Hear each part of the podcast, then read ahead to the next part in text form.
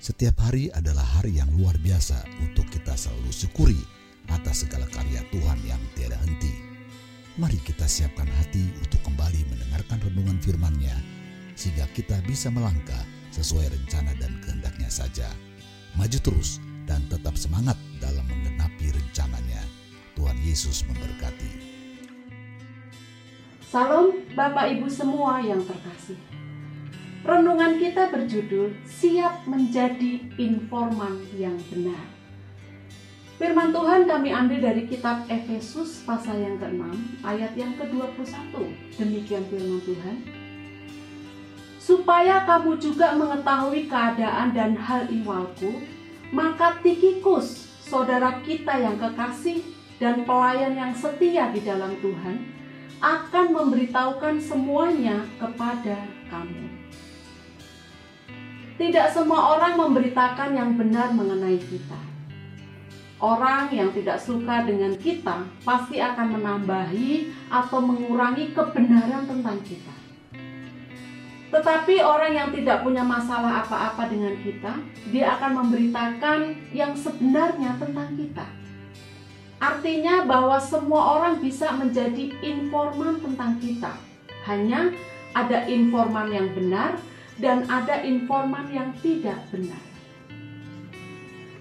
Berdasarkan Efesus 6 ayat yang ke-21 dan kitab Kolose 4 ayat yang ke-7, maka bisa dikatakan bahwa Tikikus adalah seorang yang siap menjadi informan yang benar. Kita bisa melihat pernyataan Paulus yang dia tulis dalam suratnya kepada jemaat di Efesus dan jemaat di Kolose.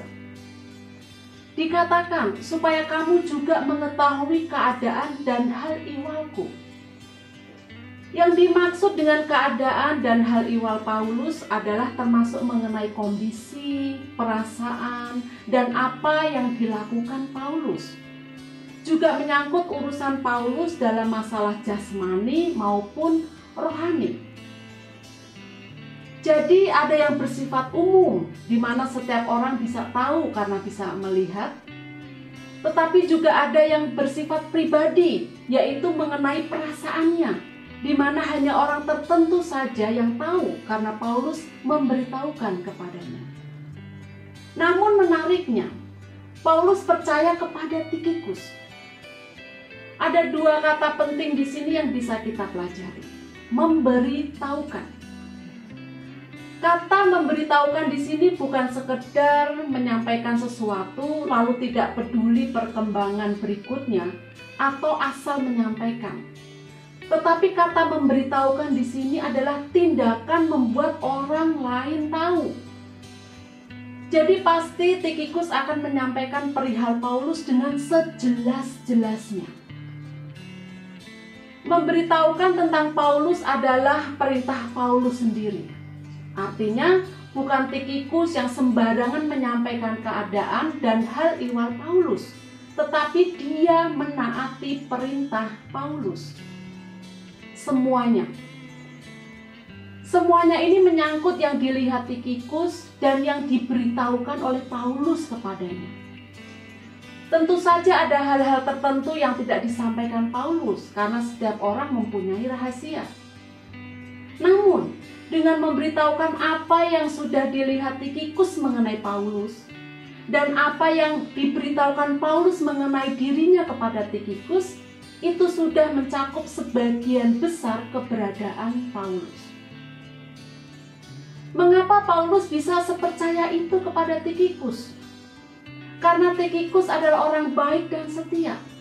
Paulus sudah melihatnya, maka apa yang diragukan lagi? Tikikus tidak mungkin mengkhianati Paulus dengan menyampaikan berita yang tidak benar mengenai Paulus. Secara umum, kita ini adalah informan, yaitu informan mengenai Tuhan, firman-Nya, dan apa yang sudah dia lakukan. Mari siapkan diri untuk menjadi informan yang benar. Sehingga orang yang menerima pemberitaan kita mempunyai iman yang benar. Di sisi lain, kalau kita ingin dipercaya oleh orang lain, bahkan menyimpan berita mengenai dia, maka tunjukkan sikap yang baik dan jadilah orang yang setia. Kata-kata bijak. Untuk bisa dipercaya menjadi informan yang benar, kita harus menunjukkan karakter yang benar. Bapak Ibu, mari tundukkan kepala kita untuk berdoa. Bapak, mampukan aku menjaga lidahku dan hanya menyampaikan apa yang diperintahkan kepadaku. Karena aku ingin menjadi informan yang benar.